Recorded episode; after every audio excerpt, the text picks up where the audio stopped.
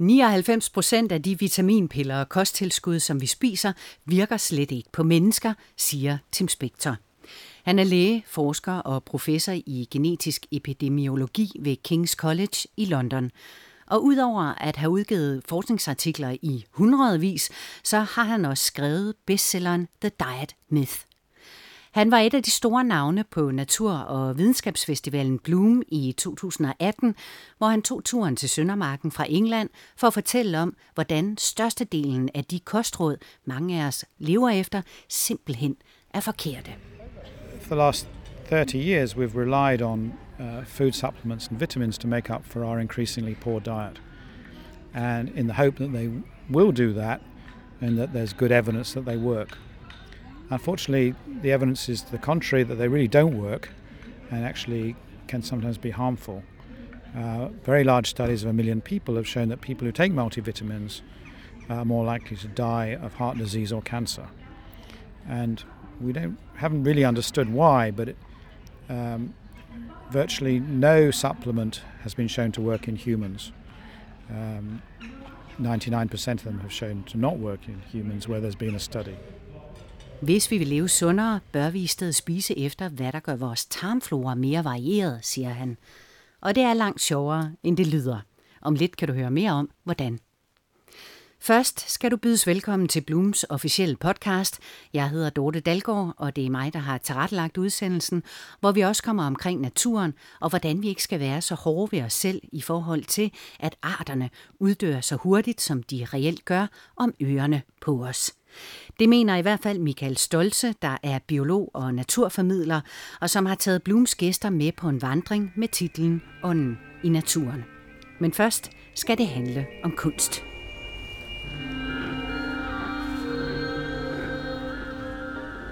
Det du kan høre i baggrunden er nogle af Blooms gæster, der interagerer med lydinstallationen Mantra of Plants. Det er komponist Sine Bisgaard, der står bag værket, sammen med Laura Ratschau, der er tekstildesigner og audiovisuel designer, og Ruben Lisboa, som udover at være geolog også er multimediekunstner, softwareudvikler og opfinder af systemet, du kan høre her. Vi står i øh, midt i et lydværk, som er øh, baseret på planter. Sige, at vi, øh, det er muligt at, øh, at mærke på blade og blomster, og på den måde øh, skabe sine små, egne små lydkompositioner. Og det, der foregår bag ved os, det er jo folk, som er hen ved værket, og som interagerer med det, og som øh, ja, skaber øh, lyd Altså måske skal vi sige, at der er 1, 2, 3, 6 planter, syv planter her. Ikke? Ja. I den her station. Ja. ja. Øhm, altså værket består af to stationer, og det er så herover der er der syv, syv planter, som er ret forskellige i deres udtryk. Øhm, der er en, som hedder, jeg tror den hedder lammeøre. Og, det, og den, den er blød at se på, den lange hår. Øh, og når man rører ved den, måske kan jeg få dig til, derovre til at, at røre ved den der, den bløde der.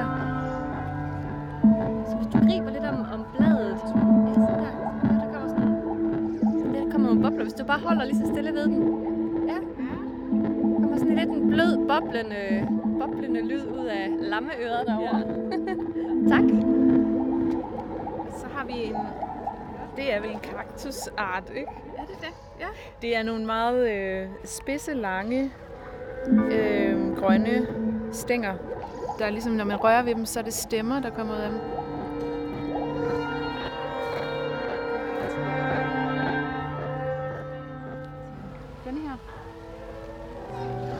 Den har ligesom sådan en form, det er, det er også en slags kaktus med nogle lyserøde blade, som har sådan ligesom en, nærmest et, et, et blæs af en slags, kan man mhm. sige. Den.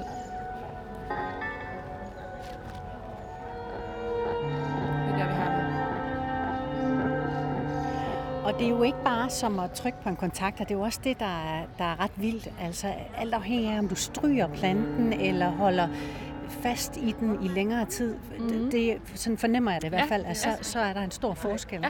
På den måde er det også et meget sanseligt værk, så det, det er netop ikke bare sådan øh, trykbot, eller sådan, mm. det, er, øh, der er nuancer, og planterne har også lidt, de har også lidt deres eget liv. De er jo levende. De skal være levende, før det fungerer. Men de er også, de, de trækker ligesom lyden forskelligt rundt, alt efter hvor du, netop hvor, hvor du, hvor du rører, om du trykker hårdt, eller om du bare berører meget sådan overfladisk, øh, ruder rundt i dem, eller hvad du gør. Øhm, og så er der faktisk også, øh, så kan de også agere forskelligt, hvis du rører ved forskellige planter på samme tid, eller hvis du rører ved en anden person, samtidig med at du rører ved planten, så leder lyd, ledes lyden på en anden måde. Så de agerer også forskelligt, om de er store eller små. Nu har jeg jo stået og betragtet værket i et stykke tid, og, og det er virkelig interessant, hvordan folk de drages, altså både helt små børn, men jo også øh, øh midt imellem og, og ældre mennesker, de, skal se, de drages og skal hen og røre. Ja. Jeg tror, det er den der, øh, altså det der med at røre ved noget, og også noget, som vi alle sammen kender. Det er jo øh, flere af dem er helt almindelige stueplanter, øh, og som så lige pludselig har en helt anden, øh, altså du har en helt anden relation til det, øh, når, du, når du rører ved dem, og der pludselig får et, en reaktion tilbage fra planten. Mm. Øhm, men, men noget af det med, når der er flere, der spiller i gang, og nu, lige nu så er der to voksne og en dreng på måske 5 år, 4 år, 5 år, 6 år, øhm, som står og spiller, at, at det er jo helt vildt interessant, hvordan altså spiller den ene på en plante, og den anden spiller på en anden plante, og sammen så skaber man noget, som også går i forbindelse med hinanden og skaber et udtryk. Øhm, og det synes jeg er noget af det, der, der er rigtig fint ved værket. Det er også interessant for os, at der er, vi har skabt nogle... Øh, vi på, den, på en eller anden måde har vi sat noget frem, og vi har, ud, vi har tænkt et værk, men så snart vi lader folk interagere med det, så er det ud af vores hænder, så, øh, så kan vi jo ikke kontrollere, hvad der bliver rørt ved, hvordan på den måde, så bliver det også spændende for os at se, hvordan værket ligesom bliver forandret sig. Ja, der kom en meget, meget dyb tone der lige før. Ja, det var over for scenen der. Nå, det var et andet sted. Jeg har jo prøvet at lave noget, øh, arbejde med noget, også med interaktion i Kina. Og det er jo fuldstændig anderledes øh, kultur. Hvordan de kaster sig ud i og skulle røre ved det hele. Og altså, der må næsten være folk, der ligesom holdt dem tilbage, indtil de får lov til at interagere. Hvor der, her der synes, der kommer på en måde mere musik med nogle af dem, hvor der er henne og, og undersøger lidt mere. Altså den der undersøgende tilgang, øh, hvor folk de lytter også, den, ja. den synes jeg er rigtig fin. Og det virker også som om, at der er sådan noget lidt respekt for planten, synes jeg. Så det er ikke, ja. at folk er, selv børn er ikke voldsomme. Det er sådan, måske også fordi man ikke er vant til at røre så meget ved planter. Det er noget, man skal kigge på. Og det er jo også levende, små levende væsener.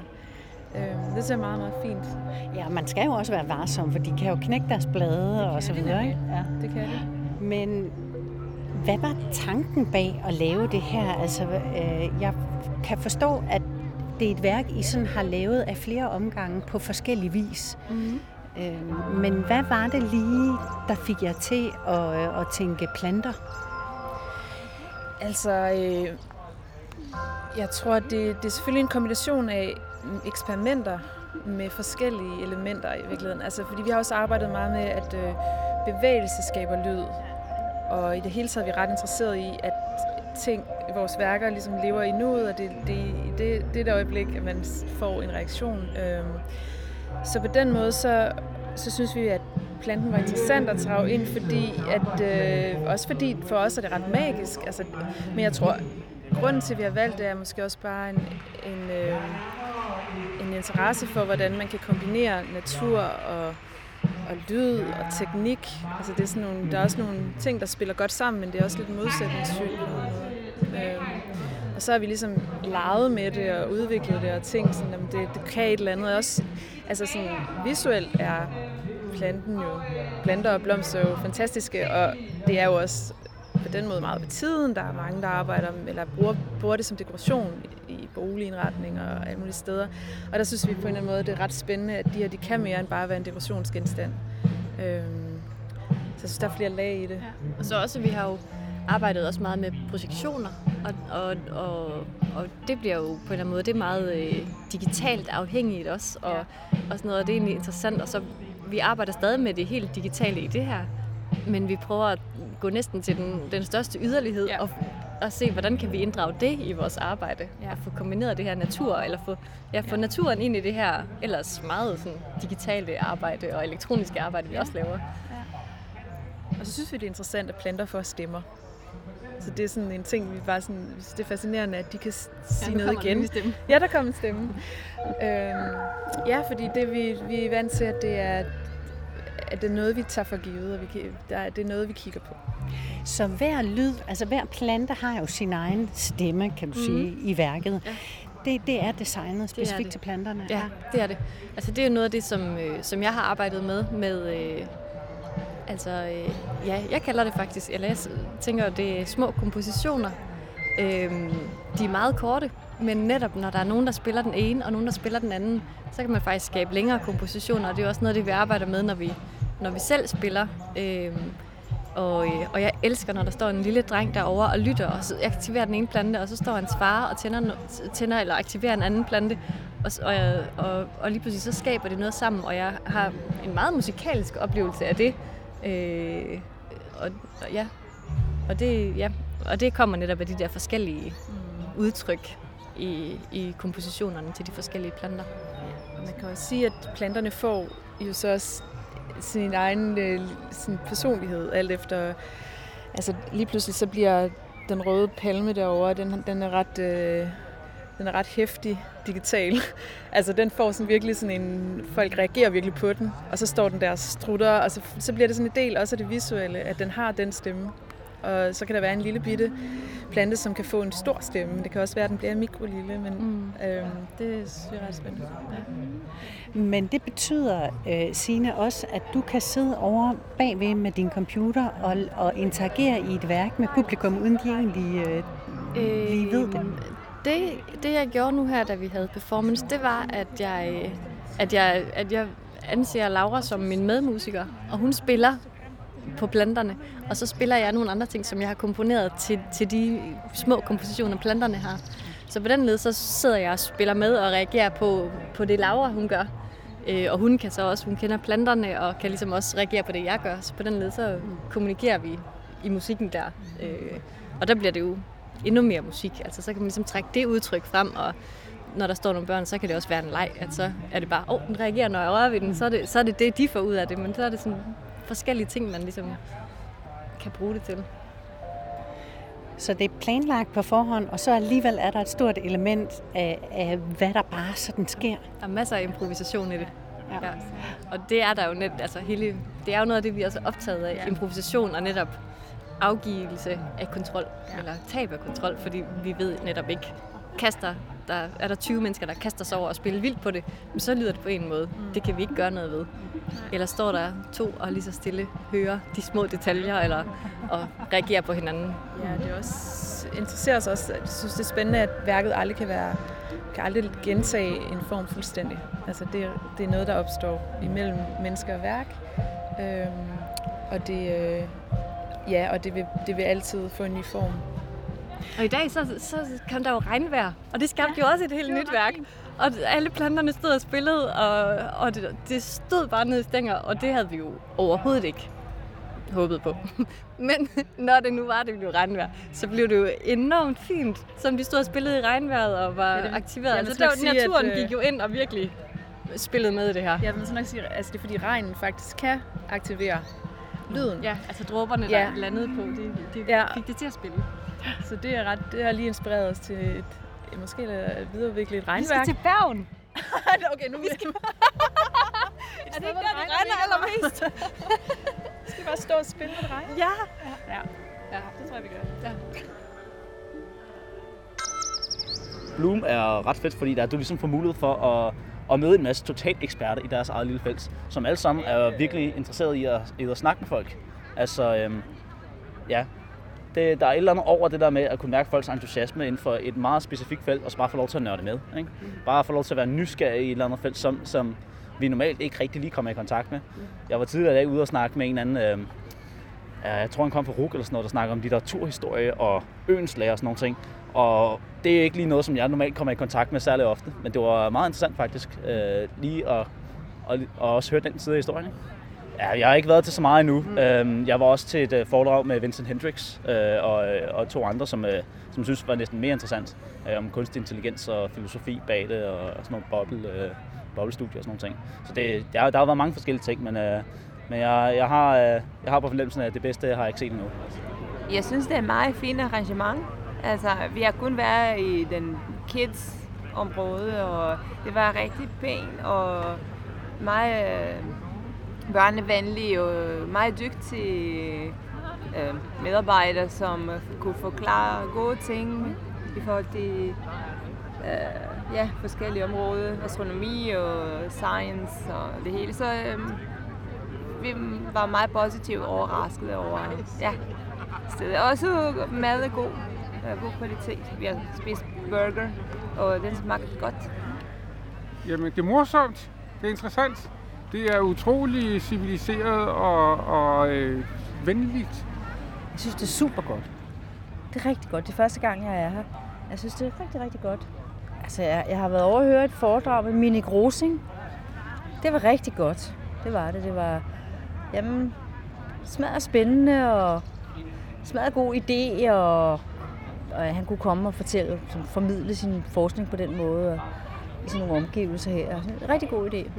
Jeg synes, det har været interessant. Altså, jeg synes, det er vellykket øh, øh, setup. Og faktisk skal vi sige, det har overrasket mig positivt. Jeg, jeg, havde, jeg havde måske tænkt, at det var lidt mere tungt. Øh, og, øh, og, og, og så har det egentlig glædet mig, at der er sådan en, sådan en rimelig ubesværet lethed sådan omkring øh, øh, arrangementer.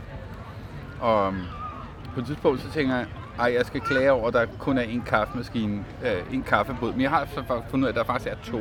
Så nu er der ingen klager.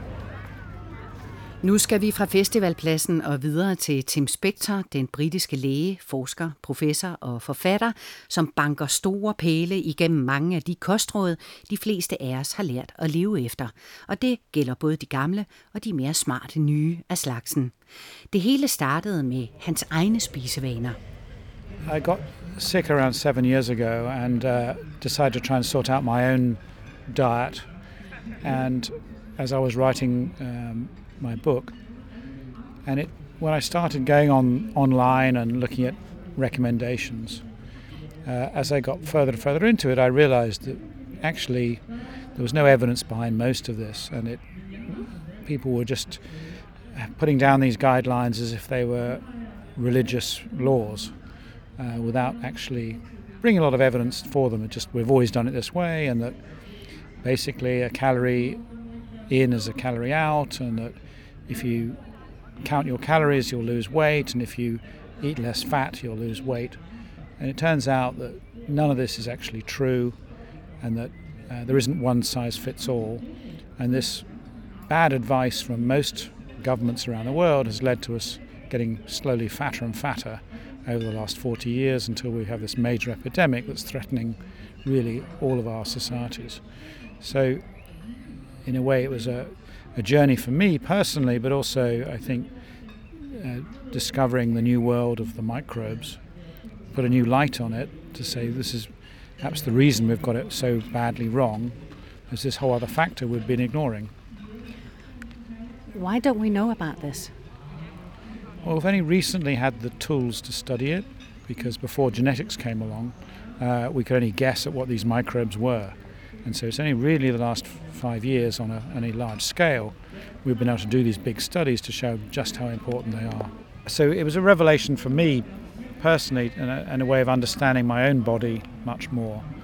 And I've started testing my own microbes regularly and I've totally changed my diet, my approach to food, and um, hopefully I can you know influence other people. Um, you know, because I started the same point of ignorance. Although I was a doctor, most doctors know very little about nutrition. Uh, they just bluff their way uh, with a few hours of uh, training when they were medical students, and this is a big problem for our society. And I think uh, people have to now take it amongst themselves to learn about their own bodies, what's actually in food, and how our microbes interact with that food to keep us healthy. And if you understand that, it's a bit like a gardener understanding which plants grow well and uh, which don't. Um, a good gardener will always know which plant uh, needs the right bit of fertilizer, the right soil, and uh, to grow well, and, and what variety they need. And that's we need to change our approach to food and rather than just assume that every food is bit of food is the same, buy it from a supermarket, not care where it comes from. As long as we just care about calories, you know, until we break that down, realize that even simple foods like a banana are not just carbohydrates, there are 600 different chemicals. And you combine that with the thousands of microbes, species inside us uh, to produce tens of thousands of other chemicals when you eat a banana, you get some idea of the complexity and some idea of why it's really important to know where your food's coming from, what it does to you, and how it might affect you differently to someone else. So basically, we are very, very different when it comes to our microbiomes, and therefore it's really difficult to say what works on one uh, compared to another. Yes, I mean, it explains why we're, we're different, um, and it, but and it does make it difficult to have guidelines. So I say that in a way, there's two levels. At the moment, we can't yet be precise about what foods someone should eat. There's some general rules about this, in terms of, you know, uh, it's for vast majority of people, doubling the amount of fiber, doubling the number of different plants they eat um, in, a, in any given month. Um, increasing polyphenol foods, these are the, the chemicals in berries and um, beans and peanuts and coffee and chocolate and red wine um, are all good, um, and increasing diversity. But as for the specifics, we need to wait for the next phase of research that's going to look at uh, how um, our body responds to are you better off eating a banana or an orange? You better have rice or pasta? Um, should you have uh, meat or uh, quinoa? Um, we're doing studies at the moment on thousands of people uh, looking to see how their bodies respond uh, to foods and cross checking that against their microbes. And the evidence so far, there's been a smaller Israeli study, showed that uh, your microbes are better predictor of how you respond to carbohydrates than the calorie count or the glycemic index, which is the basis of all food labeling in Europe. So I think that's the way forward. It's going to take us a few more years until we sort that out. But people just got to realize that what works for one person isn't going to work for everybody. And until then, they probably need to self experiment. Many of us uh, follow uh, at points in our lives uh, some of the fancy diets out there, eating after your blood type, the paleo diet, uh, where you eat like in the Stone Age, I believe. Do you have any other myths up your sleeve?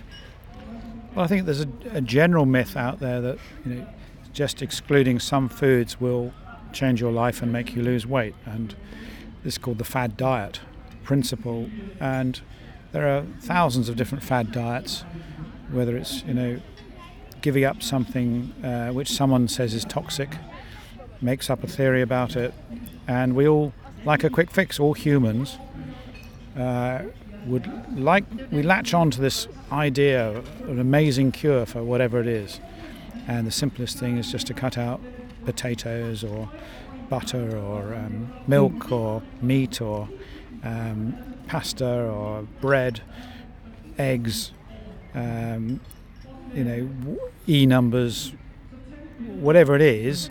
It's very appealing to us to think, oh, that's all I have to do. I can do that without really understanding it, and there is no science behind it, it's just somebody's um, belief. And most people will lose weight for the first few weeks of doing that, often because they're thinking about food more. And uh, so that's, they do think about what they put in their plate if they're trying to avoid something. And there's some evidence that people who are religious, um, uh, like Jews or Muslims who have lots of food restrictions, uh, are on average slightly thinner than people that don't because in mixed religion, they have to be careful what they put in their mouth, whereas the average Westerner just stuffs everything that's, that's, that's freely available at a buffet into their mouth without worrying about it.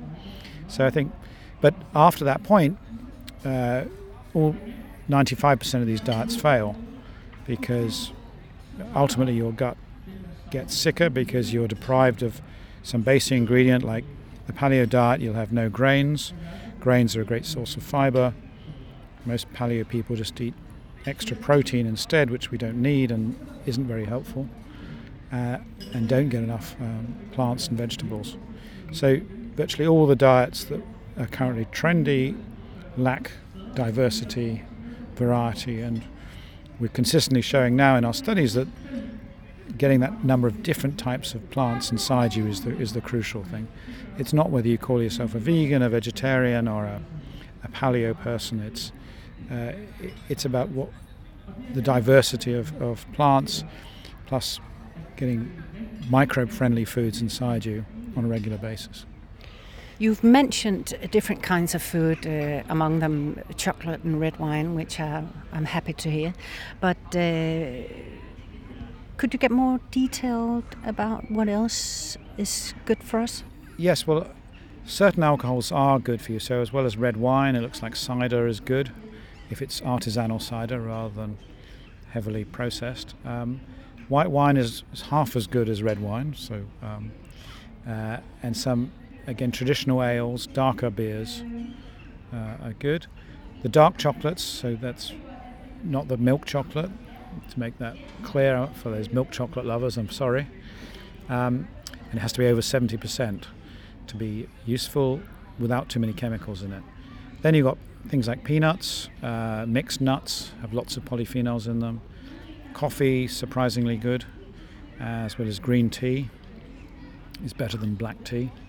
Um, then you've got cheeses, and if you can, go for raw milk cheeses, um, which are increasingly popular, in, certainly in um, England and France now. Uh, well, the France have always been popular, but it's uh, spreading to other countries. People realise there's very little danger and a lot of potential benefits. Um, and then, of course, this whole range of fermented pickles, um, sauerkraut, um, make your own. You know, you can put nearly any vegetable in, in a bit of salty water and it'll be good two weeks later, as many Eastern European countries do regularly.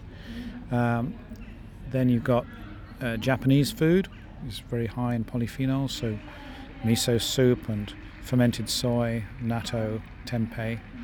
Um, basically, every Japanese meal has some fermented uh, product in it.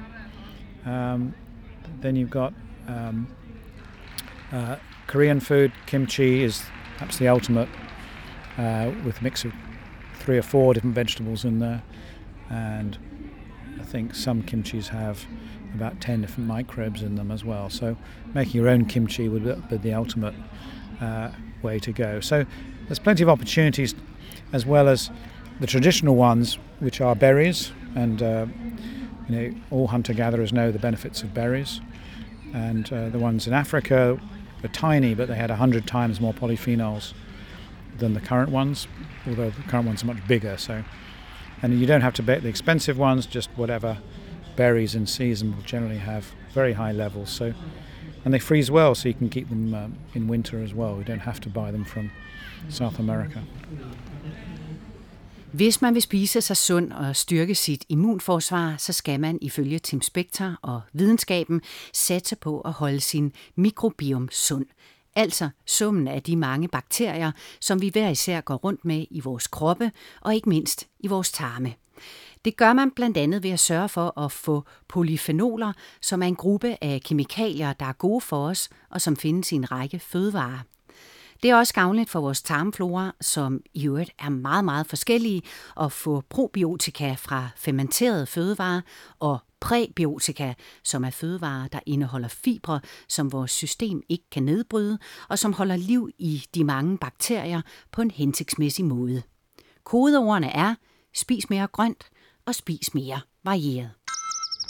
Jeg synes, det er et virkelig fedt øh, tiltag. Jeg synes, det er et fedt sted, og det er sådan gennemført i den måde, det er sat op på. Og talerne er godt kurateret. Jeg synes, øh, jeg synes virkelig, det er et fedt tiltag. Altså, jamen, jeg synes, det er utroligt spændende. Det er første gang, jeg er her, og jeg synes, det er jo en fantastisk kombination at sidde her øh, i parken, eller hvad det nu er, og så lytte til de her forskellige øh, oplæg, der er. Utrolig godt øh, tilbud. Fantastisk, må jeg sige. Jeg har ikke været her så længe endnu, men indtil videre synes jeg, det er super hyggeligt. Øh, jeg var her også sidste år, øh, og der var det virkelig godt i hvert fald, så jeg fik lyst til at komme igen. med min familie, som vi venter på lige nu. Jeg oplever det sådan, um, sådan meget stille og roligt. Altså sådan, um, altså jeg vil ikke sige det sådan en, du ved, øh, hvor det er meget informativt, hvor man skal tage noter, men det er bare mere sådan, du ved, øh, så man, man får at vide nogle ting meget stille og roligt på en afslappet måde. Jeg er rigtig, rigtig glad for at være med. Jeg kom for at se Hans Fink, som har været min, øh, min lærer i filosofi i Aarhus. Det var mange år siden, og det var meget fedt at se ham igen. Men sådan også det ting, han snakker om naturs natur, er også meget, sådan, meget spændende at høre. Øh, for det er sådan, bagefter, så kan jeg jo høre om andre ting. Det er sådan en, en meget fed start i hvert fald, ligesom, for det giver en, en anden perspektiv bagefter. Jamen, jeg synes jo, øh, det er en god mulighed for at øh, lære lidt om forskellige spændende videnskabelige emner, som man ikke lige går og tænker over i hverdagen, men som lige pludselig ja, bliver øh, lidt mere nærværende. Øh, og så er det jo fantastiske omgivelser. Og vejret var jo også dejligt sidste år. Også i dag. Jeg ved ikke hvordan. I går var det nok lidt mere udfordrende, men øh, det er jo bare hyggeligt. Også at man kan gå rundt og shoppe lidt videnskab, og at det så også bliver mixet op med musikken, det er jo bare endnu hyggeligere. Jeg synes, det er sådan en dejlig afslappet stemning. Og jeg kan ret godt lide, at hvis man måske bare vil høre lidt og gå videre til det næste, så, så er det helt okay. Og folk sidder bare til græsset og lytter, og det synes jeg er ret skønt. Det er første gang, jeg er med, og det er første dag, jeg er med. Jeg er faktisk ret øh, vildt begejstret for det, jeg ser her, og det, jeg oplever. Jeg øh, havde hørt navnet øh, sidste år, tror jeg. Øh, og så blev jeg så inviteret til at holde oplæg her. Så jeg har her mellem 11 og 12 holdt oplæg om smerte. Det var Dagbladet Information, der inviterede mig til at bidrage til en debat omkring de her mange forskellige aspekter af smerte. Og øh, på den måde har jeg selvfølgelig en særlig forbindelse til Bloom her denne gang og i år, men, men hold da helt ferie. Øh, det er i hvert fald den tanke, jeg har nu.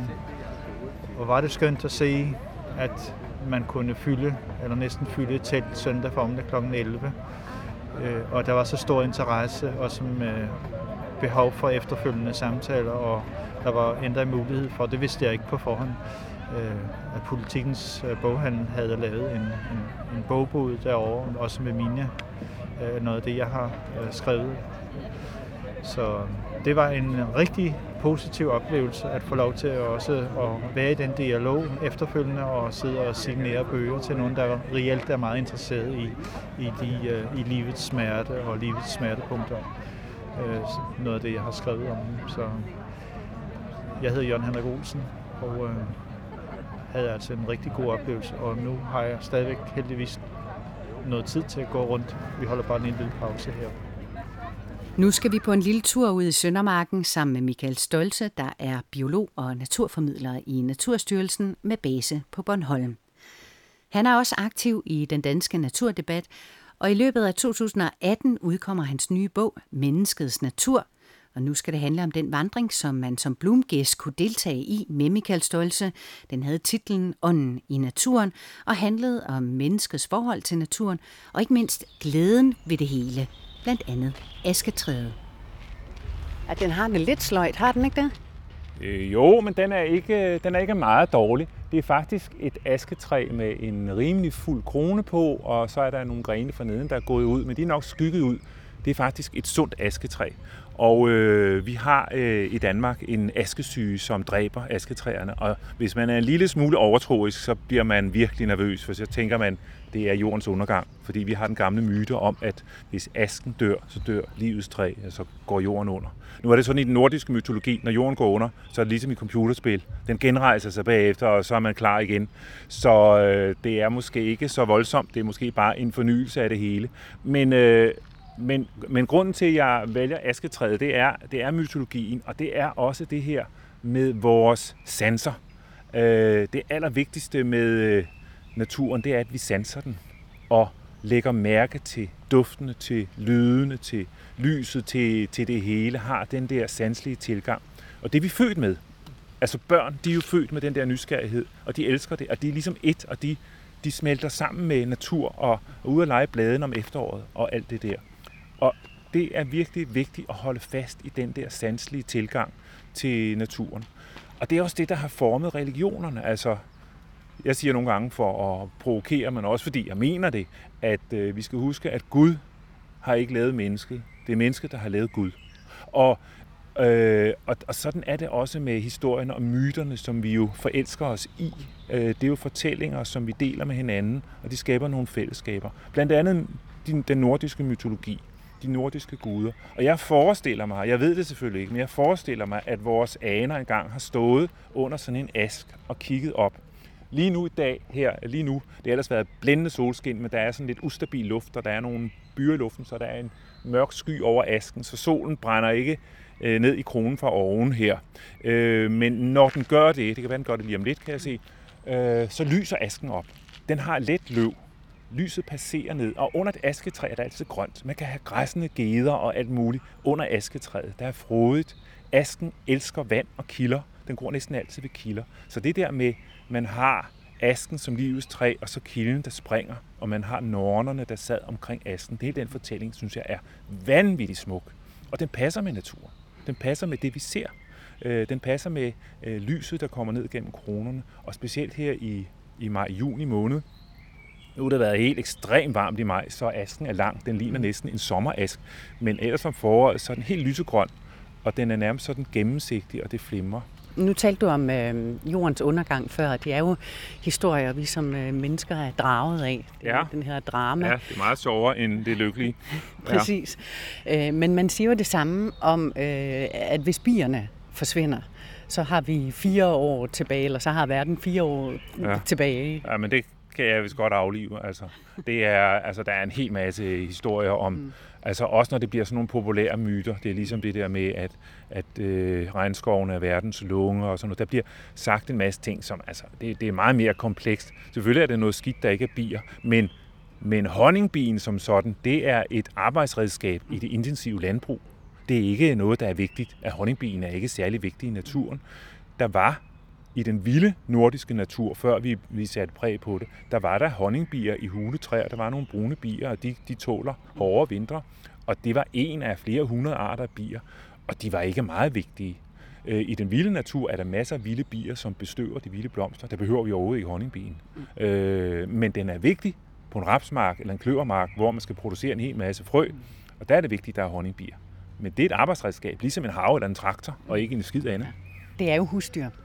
Det er husdyr, ja. Ja. Men altså, det er klart, at i den vilde natur, i naturområder med masser af plante dyreliv, øh, eller med, mange forskellige plantearter, der er det vigtigt, at der er mange bestøver. Der er også en del bestøver. Og der, det, der bekymrer lige nu, at det er, at mængden ser ud til at falde, også i de vilde naturområder. Sandsynligvis, ja, man ved det faktisk ikke, men det ser ud som om, at der er så færre. Men det er ikke sådan, at de uddør i stor mængde, men nogen uddør. Der er nogle humlebier for eksempel, der uddør. Og øh, dem, der er knyttet til de meget øh, lysåbne områder i hvert fald, ser ud til at have det rigtig skidt. Og det skal vi gøre noget ved. Og det er jo et, et øh, vi ser det jo bredt, Ja. øh, når du kigger på, på alle arter. Altså, øh, arterne uddør hurtigere, end vi nogensinde Ja. har set det Ja. før. Øh. Og måle raten på det er rigtig svært, og derfor så diskuterer de lærte øh, det. Men der er ingen tvivl om, at det sker meget hurtigere end den naturlige. Der er jo hele tiden uddøende art, arter, og det, vi ser nu, det sker meget hurtigere. Og det er selvfølgelig, fordi vi fortrænger vild natur. Vi for, fortrænger øh, de, de, de meget diverse områder simpelthen. Vi fylder en masse som mennesker. Mm. Og det er man begyndt at se på, og det glæder mig utroligt, at man diskuterer plads. Man diskuterer plads til vild natur. Også i, i meget, meget kultiverede og, og meget opdyrkede, kultiveret betyder opdyrkning, ikke? opdyrkede lande som Danmark. Det, det gør man, og, og det, det er ved at rykke nu. Nu skal vi se, om der kommer resultater ud af det. Har vi fjernet os så meget fra naturen, at vi har glemt at glædes ved den? Det tror jeg på en vis måde er rigtigt. Jeg ser faktisk en renaissance lige nu med øh, naturglæde, og jeg synes, det er fuldstændig centralt. Dronningen var inde på øh, i sin nytårstale med at sige, at vi skal huske det unødige, fordi øh, vi har lært sådan lidt i skolen, at naturen er nyttig, naturen som sådan, og alle arterne har deres plads, og hvis der er en art, der forsvinder, så bryder det hele sammen. Og den historie passer ganske enkelt ikke. Det er, vi kan undvære, altså økosystemerne kan undvære langt de fleste arter, og de fleste arter er aldeles unødige i forhold til sådan almindelig rationel tankegang. Men vi skal tænke på det irrationelle. Vi skal tænke netop på naturglæden, på det der med, at det er medskabninger. De er med os. De hænger sammen med os, genetisk, udviklingshistorisk. Vi har alle sammen fået gaver med os i udviklingshistorien øh, og forskellige evner, og øh, det er jo fantastisk. Dyrene har, mange af dyrene har langt større og mere fantastiske evner, end vi har. For eksempel mange af fuglene. Øh, de har ikke samme øh, øh, skal man sige, intellekt. Altså mennesket, mener jeg, er unikt ved at have bevidstheden om egen eksistens, egen død også. Og så kan vi gøre en hel masse. Og det er det, der gør mennesket til, til noget særligt. Det er derfor, jeg hævder, at mennesket er dyrenes konge. Vi kan handle, og vi kan også handle på vegne af vores medskabninger. Nu siger du, at du fornemmer, at folk øh, virkelig er ved at igen at få øjnene op for naturens skønhed. Men hvad kan vi gøre for øh, at åbne folks øjne endnu mere? Der bliver faktisk gjort rigtig meget for øjeblikket. Øh, og øh, og det, det er formidlingen, det er fortællingerne, det er fortællingerne i kunst, i litteratur, i musik. Det hele hænger jo sammen. En af mine store passioner, det er H.C. Ørsted, der så sammenhæng i alt. Og det var hans passion fra han var ganske lille. Og det, det er fantastisk smukt at se de der sammenhæng, fordi det er jo sådan rent vidensmæssigt rigtigt. Der er ikke noget, der ikke hænger sammen med noget. Der er ikke noget, der er frit svævende. Alt har en krog i noget andet, og selvom det ser helt umuligt ud, så har det det. Og øh, der oplever jeg for øjeblikket, at der er stigende interesse for at fortælle om naturen. Også det meget nørdede. Jeg oplever det selv. Jeg har ture, hvor jeg bor på Bornholm, og der kommer efterhånden rigtig mange med, som vil vide alle mulige mærkelige detaljer. Og de synes, det er vildt sjovt. Specielt når det er noget, man sådan kan spejle sig i som menneske. Altså, jeg, jeg synes gerne, man må menneskeliggøre ting. Øh, der bliver fortællingen større. Det har været lidt fy-fy i videnskab. Og det er heller ikke rigtig videnskab, men det er rigtig god fortælling, og det er rigtig god formidling. Mm. Men det er vel også først, når det sker, altså når folk får øjnene øh, op for naturens skønhed, at, øh, at vi forstår øh, vigtigheden af at give øh, ja. naturen plads, så den ikke forsvinder. Ja, det er, når hjertet banker for mm. de der ting. Ja. Når, når det bliver en hjertesag. Øh, I det øjeblik, man kender en aurora og dens biologi, hvordan den lægger små appelsinfarvede æg på løgkarsen, øh, og man kan se dens larve, og den gør ikke nogen skade. Den er bare yndig at flyve rundt der om foråret. Og når man går ind med sit mobilkamera, som alle har nu, alle kan jo tage pragtfulde billeder med moderne kamera mm. og dele det og, og folk jubler af glæde, når de kender det. Når de først kan sætte navn på og ved, jamen det er morgenrødens inde, der flyver rundt på de der sarte vinger, og så er hunden, den har ikke noget orange og ligner bare en kålsommerfugl. Og, og hele det der, den poesi, der er der, øh, det er en god fortælling, og det, det, det går som løbeild på de sociale medier. Øh, og og det, det ser jeg som et, et kæmpe gode. Og igen, teknologi spiller sammen med natur på en rigtig positiv måde. Og det, det ser man alle steder. Men øh, naturen kan jo også det, som vejret kan. Altså, det kan jo forbinde mennesker i samtale. Du kan, ja. du kan jo altid finde noget at tale ja. om øh, omkring naturen. Men selvfølgelig, jo mere du ved, jo, mere, jo, jo flere gode historier har du at tale om. Ja. ja. Jo, det er igen det der med fællesskaber. Fællesskaber binder sammen. Fælles sprog, fælles øh, viden. Det vi alle sammen kender et asketræ og, eller kender et lindetræ, der blomstrer, duften af lind. Nu er jeg faktisk set lind der forstod et knop her, selvom vi, det er den 28. maj nu. Det er fuldstændig sindssvagt tidligt. Øh, men det, det er sådan igen en ting med, med linden, der dufter, og, og meget sanselig ting, meget erotisk, meget sommerligt, et eller andet. Der er noget, noget midsommer over det. Hylden for eksempel er også allerede fremme. Igen, den er jo skrevet ind i dansk poesi med nogle af sommersangene med hylden, der dufter i stuen ind, og alt det der er vigtigt at kende til. Og det, skal, det, det er vigtigt, at der er nogen, der fortæller, formidler, og vi har et fællesskab omkring det. Mange af de naturformidlere og biologer osv., som jeg har talt med gennem tiderne, altså de, de har jo også den her særlige glæde. Altså det er som om, de er ligesom på et andet niveau end andre mennesker, ja. fordi, tror jeg, at de har fået åbnet op for en anden verden i det, du kender til fuglene, og du kender til træerne osv. Altså, så, så ser du dine omgivelser på en anden måde, tror jeg. Ja, det, mm. det er rigtigt. Altså det der med at være fortrolig med, man kan ikke vide alt, og selv de mest garvede biologer, de, de, de er uvidende på store områder, fordi verden er så rig, og det er jo dejligt, den er, den er så rig, vi ikke kan overskue Ingen kan overskue det. Øh, men det der med at have fortroligheden med nogle af de vigtigste fugle, jeg ved, at en løvsanger har sådan en faldende fløjtetone, der kommer, og den kommer ned fra troberne, hvor den fløjer rundt fra det ene akacetræ til andet, og fra det ene girafhoved til det andet, og der tilbringer den faktisk det meste af tiden. Øh, eller mursejlerne, som flyver rundt øh, og faktisk aldrig lander, når de er nede over tropeskoven, så flyver de rundt i 10, 9-10 måneder fuldstændig vanvittig historie. Og der er viden, det forskerne finder ud af noget nyt, fortæller historien og sådan noget, det bliver jo fantastisk. Altså, mm. der, der er jo viden, det løfter det hele. Og der er nogen, der, der, der tænker, jamen vi skal ikke vide så meget, så går, så går glansen af det.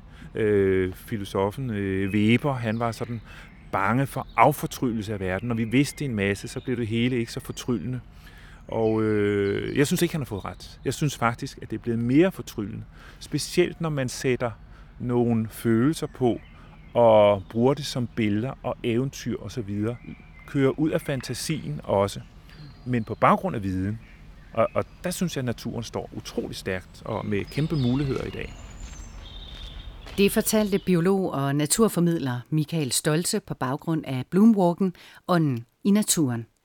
Og det her var blot et lille bitte udsnit af, hvad alle Blooms gæster kunne opleve på Natur- og Videnskabsfestivalen i Søndermarken på Frederiksberg i 2018. Du kan se nærmere på programmet på hjemmesiden bloom.oo, hvis du vil have en forsmag på, hvad der venter i 2019, hvor Bloom er tilbage den 25. og 26. maj. Du er selvfølgelig inviteret. Det er gratis at være med. Mit navn er Dorte Dalgaard. Du har lyttet til Blooms første officielle podcast, der er blevet til i samarbejde med Golden Days sekretariat, der står bag Bloom. Tak fordi du lyttede med.